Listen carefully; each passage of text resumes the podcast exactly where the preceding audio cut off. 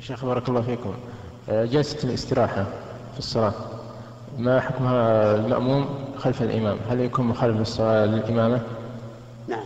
آه، جلسة الاستراحة في الصلاة أصح الأقوال فيها أنها ليست بسنة مطلقة ولا تركها بسنة مطلقة. من احتاج إليها لكبر أو مرض في رجليه أو أو غير ذلك فإنه يجلس ليعطي نفسه راحتها. ومن, لي ومن ليس كذلك فلينهض بدون جلوس.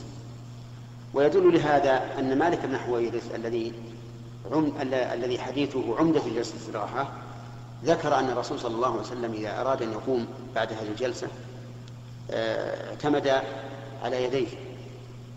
وهذا يدل على ثقل القيام عنده. وإلا فلا داعي للاعتماد على اليدين.